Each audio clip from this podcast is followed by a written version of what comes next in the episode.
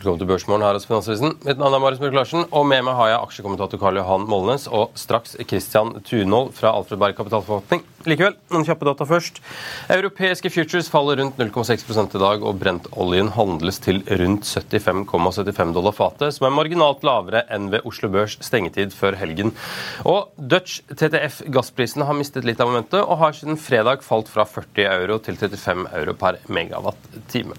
I USA er markedene for øvrig stengt i dag grunnet Juneteenth. Subsea 7 vil kjøpe alle aksjene i Doff Group for 35 kroner per aksje, 25% over IPO-kursen i nye Doff på 28 kroner. Doff-styret har avvist budet pga. for lav verdsettelse. Oppgjøret skulle skjedd i form av 7 kroner per aksje i cash og resten i Subsea 7-aksjer. Subsea 7 truer med å si at de ikke kommer til å forlenge sitt tilbud når tilbudet utløper mandag. Ifølge Bloomberg har selskapet leid inn en rådgiver for å vurdere strategiske alternativer ja, eh, Skal vi se Der ble det litt uh, Ifølge Bloomberg har, eh, har, Crayon leid inn rådgiver for å vurdere strategiske alternativer, inkludert et salg av selskapet. Ifølge nyhetsbyråets kilder er dog vurderingen på et tidlig stadium. Crayon-gründer Jens Rugseth var for øvrig innom Økonominyhetene i forrige uke. Det intervjuet finner du på fa.no. slash tv. Cloudberry selger de tre vannkraftverkene Åmotsfoss, Selselva og Nessakraft med en samlet estimert årsproduksjon på 77 gigawatt-time til Norsk Vannkraft for en samlet verdi på 703 millioner kroner. DNB Market skriver i dagens morgenrapport om TGS på våre estimater for 2024 innebærer det at aksjen nå handles med henholdsvis en PE på 6,8 og en EV-BDA på 4,1. Det tilsvarer historisk gjennomsnittet ligger på henholdsvis PE 12,8 og EV-EVT på 8,5. DNB mener at en andre kvartalrapport på linje med konsensus vil kunne løfte aksjekursen. TGS rapporterer 10. juli.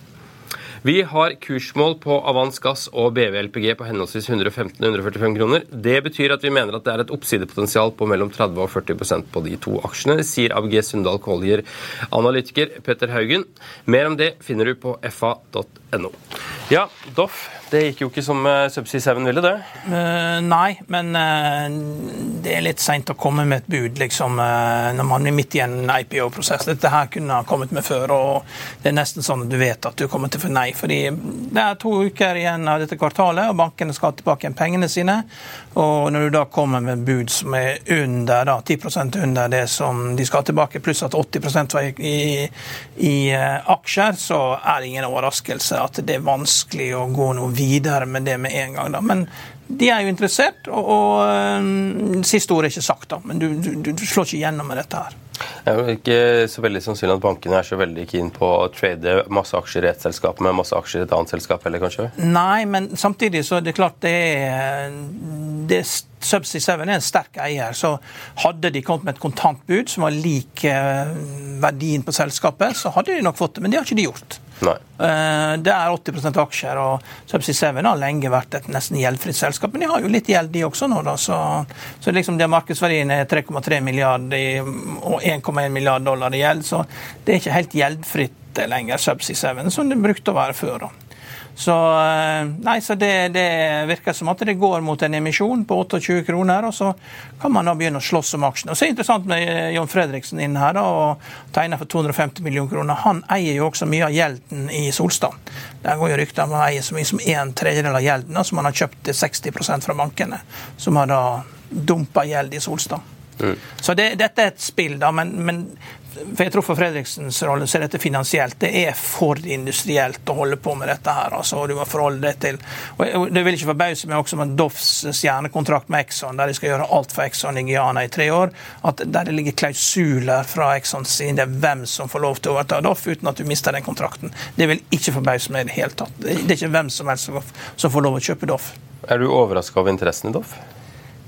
Nei, det er ikke overraska med noe som helst, egentlig. Det, det er jo, men det er overraskende at det kommer seint. Det, er jo, det er jo en attraktiv verdi. Men det er et stort selskap, det er mye gjeld.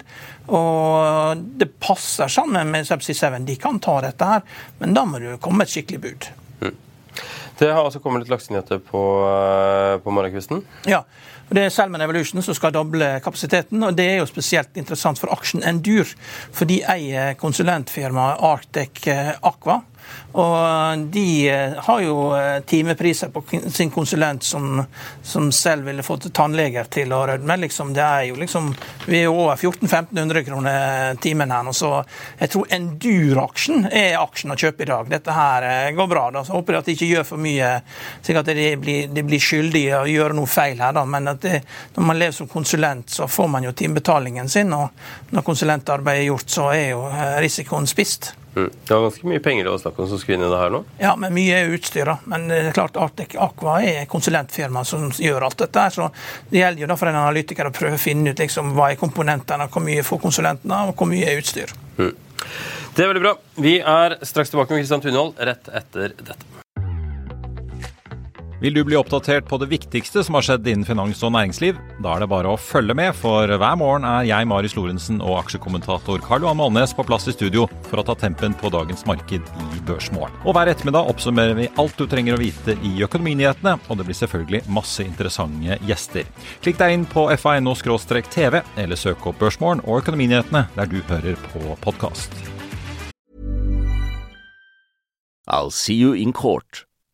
Vi sier det ofte litt på spøk, men for deg som driver business, er det aldri moro å innse at du ikke har laget en 100% gyldig kontrakt. Du bør ikke risikere hele firmaet ditt fordi du synes dette med kontrakter er litt stress. En avtale er ikke en avtale. Du kan miste kunder, miste venner, ja, til og med miste inntekter om du ikke lager en skikkelig kontrakt, på alt mulig, egentlig. Men vi vet det er et styr. Kopimaskiner, tregprinter og haugevis av papir. Dessuten stoler vi jo på folk her i landet. Det er ofte litt kleint å skulle be om en signatur for alt mulig, ja, for mye av styret handler også om jakten på underskriften. Det finnes en enkel måte å løse dette på, Dukkobit, en trygg, effektiv og get this, gratis måte å sikre seg en god natts søvn pluss en juridisk bindende avtale. Dukkobit-appen har de strengeste sikkerhetskrav i bunn, samt en EU-godkjent og sertifisert teknologi. Framover vil det bli behagelig å spørre du, skal vi skrive under på det, eller? Kom i gang på dokobit.no.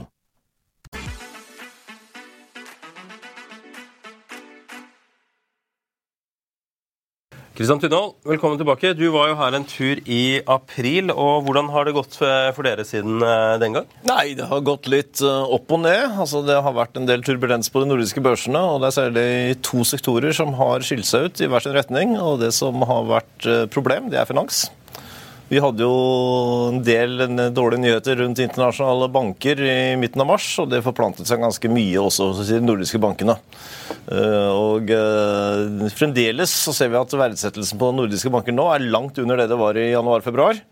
Og eh, på historisk nivå langt under det som også er normalen. Det begynner å komme seg litt, men fremdeles så er disse ikke, så, klart kursfall så langt i år. Den sektoren som har overrasket positivt, er industri. Nordisk industri.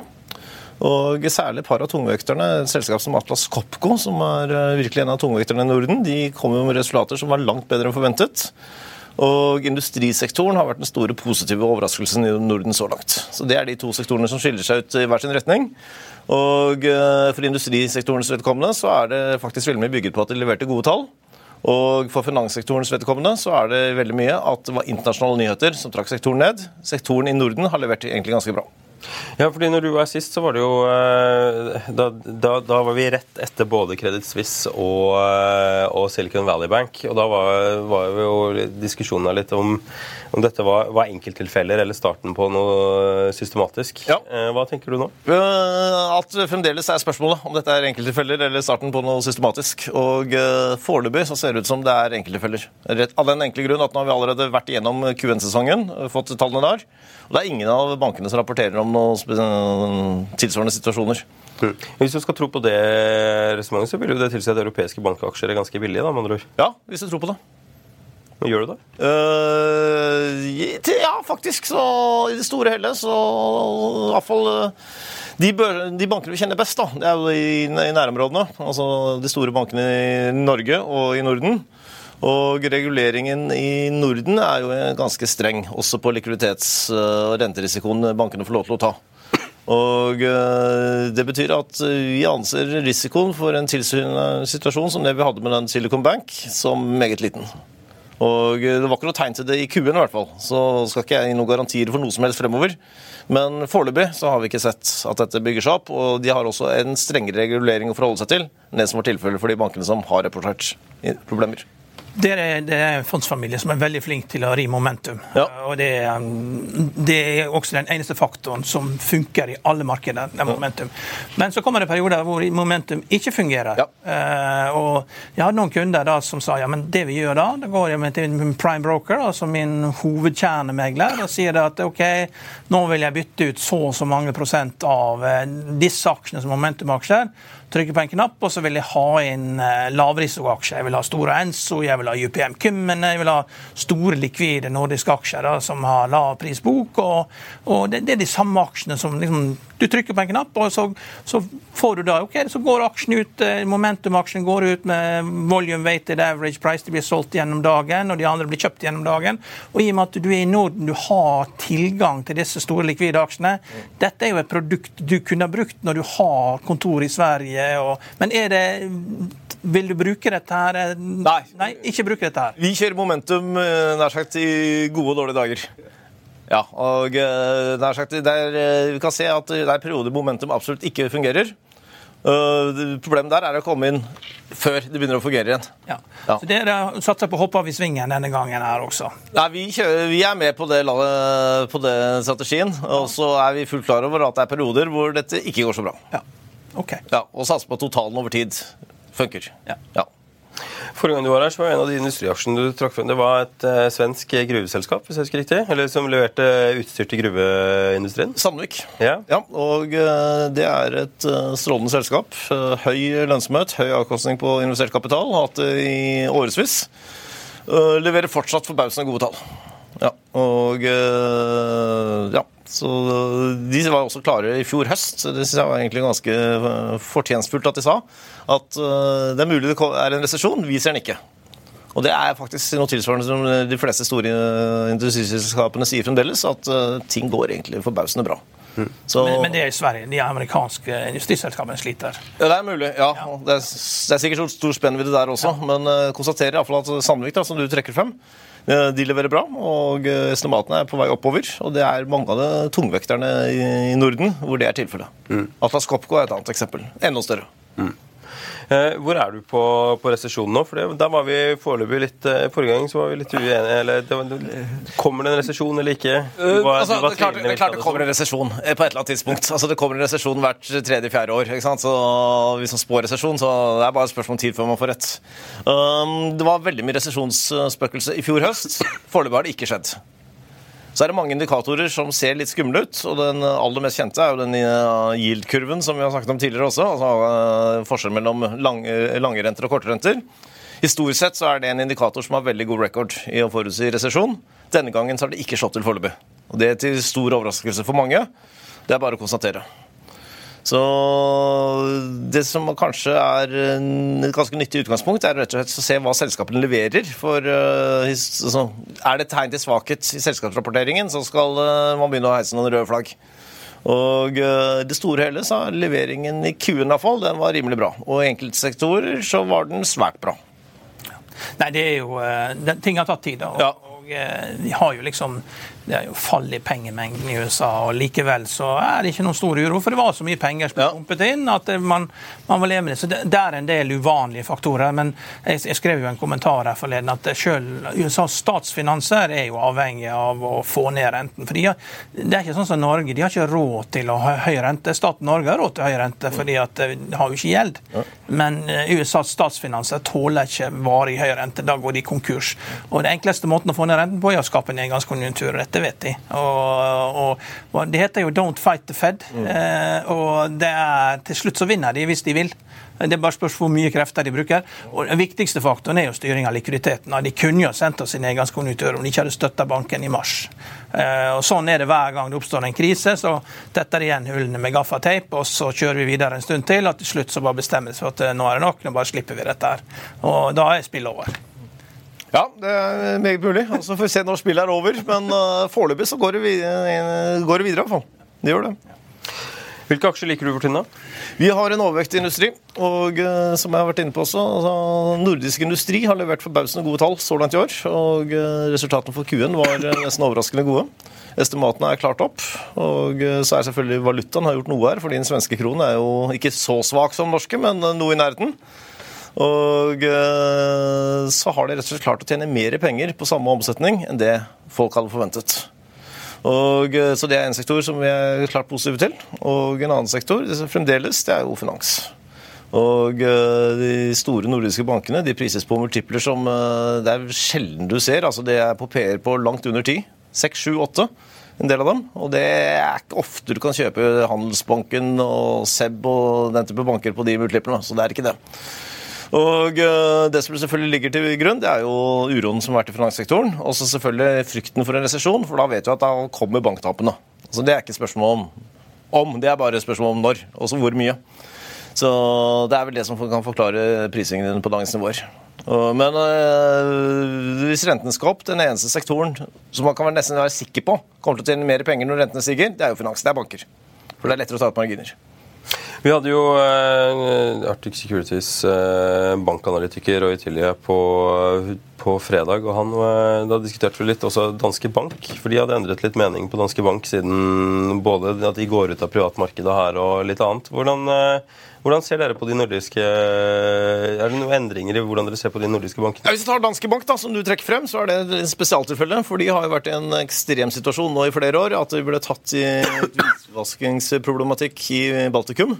Det har holdt den banken nede i jeg vet, vet, ikke hvor mange år. Og den har vært priset på multipler for til bokført, f.eks., som er Halvparten av bok. Ja, på det nivået der. Mm. Og Banken har egentlig vært ganske åpen på at så lenge dette problemet pågår, så sliter dette tar fokus, dette tar penger. Vi sliter med, sånn, Det går til viss grad utover bankdriften, vi har ikke tid til å gjøre noe annet. Nå har de fått en, et forlik på det, så de kan egentlig legge den saken bak seg. dette med hvitvaskingsproblematikken. Og da kan de refokusere på det de skal drive med, nemlig bank. Og kan begynne å fokusere på det igjen.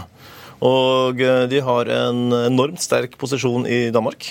Så altså, det er ikke det at de ikke har kunder, altså de har masse kunder og god markedsposisjon. Og så har de aldri klart å få den posisjonen i Norge som de kanskje egentlig ønsket å ha. Altså å Være nummer tre, fire, fem bak i privatmarkedet, det er ikke det. I København så blir det ikke noe champagne av, av sånt. Det tror jeg ikke. Så nå tar de, trekker seg ut av det markedet og bruker penger på andre ting.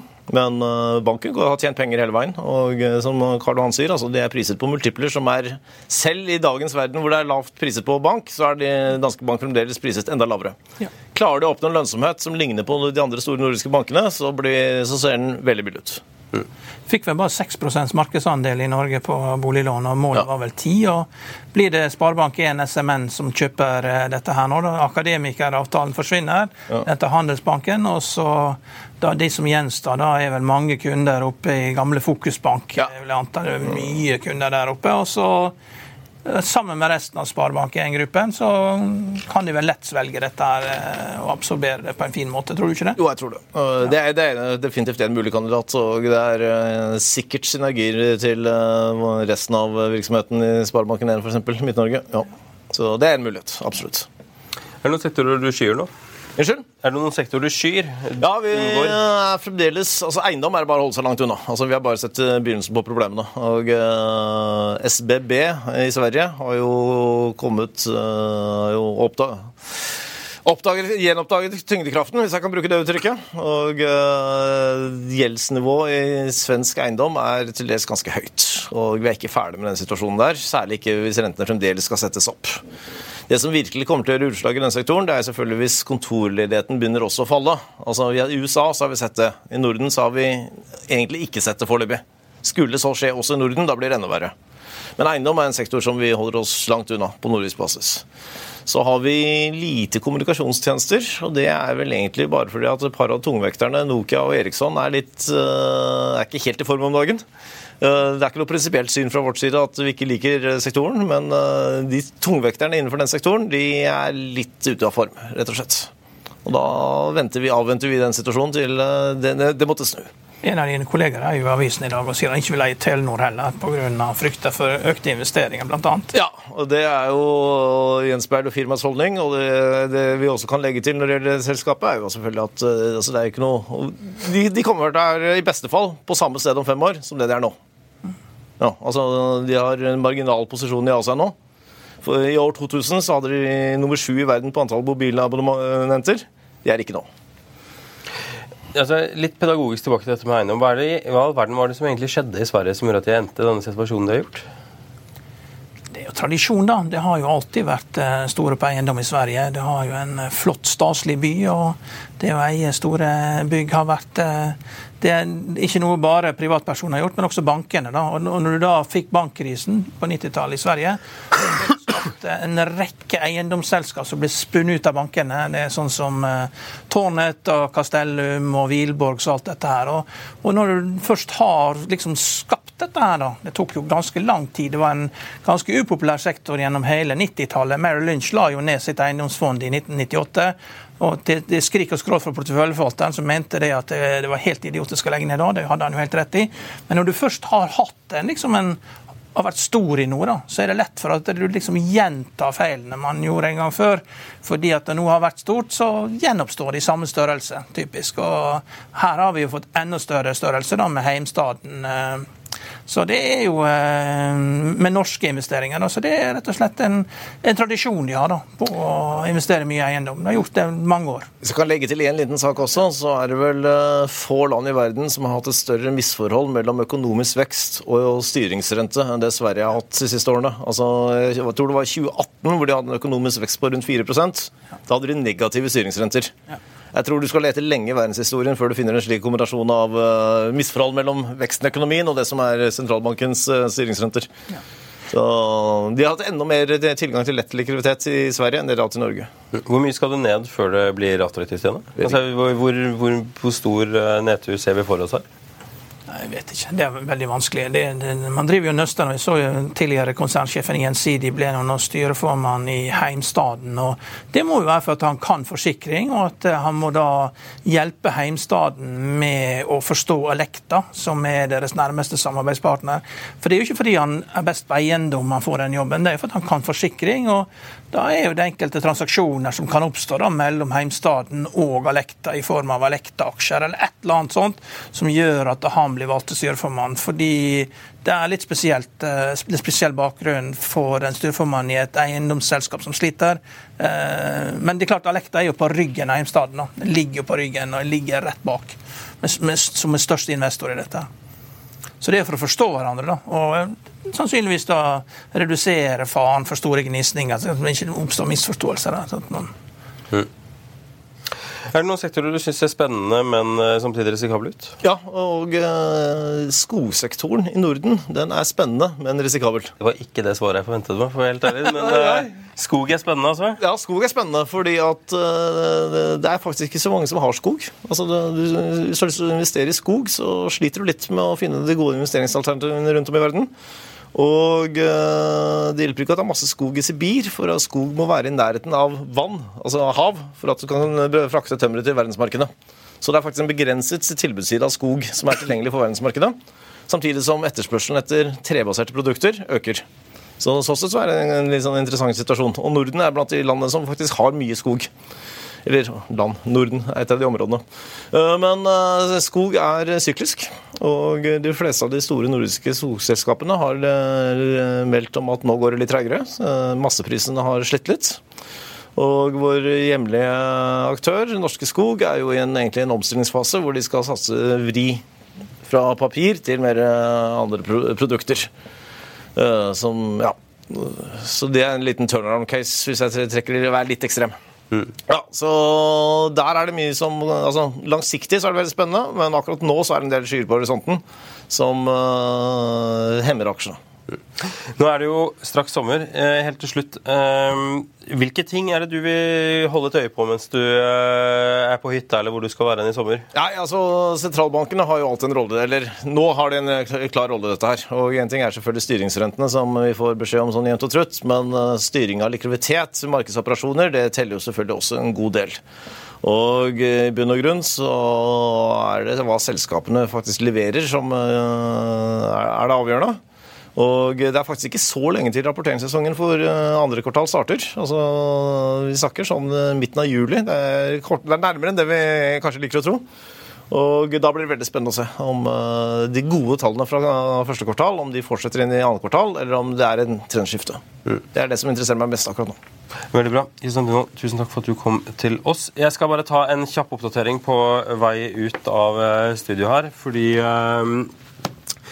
uh, Crayon, og, uh, ja, Crayon er opp ca. 7% mens Cloudberry er opp ca. 5% på sine henholdsvis nyheter.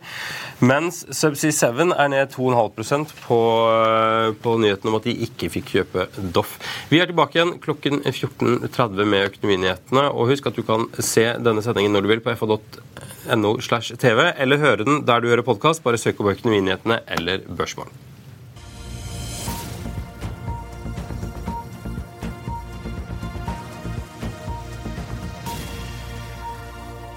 Økonominyhetene er en podkast fra Finansavisen. Programledere er Marius Lorentzen, Stein Ove Haugen og Benedikte Storm Bamvik. Produsenter er Lars Brenden Skram og Bashar Johar.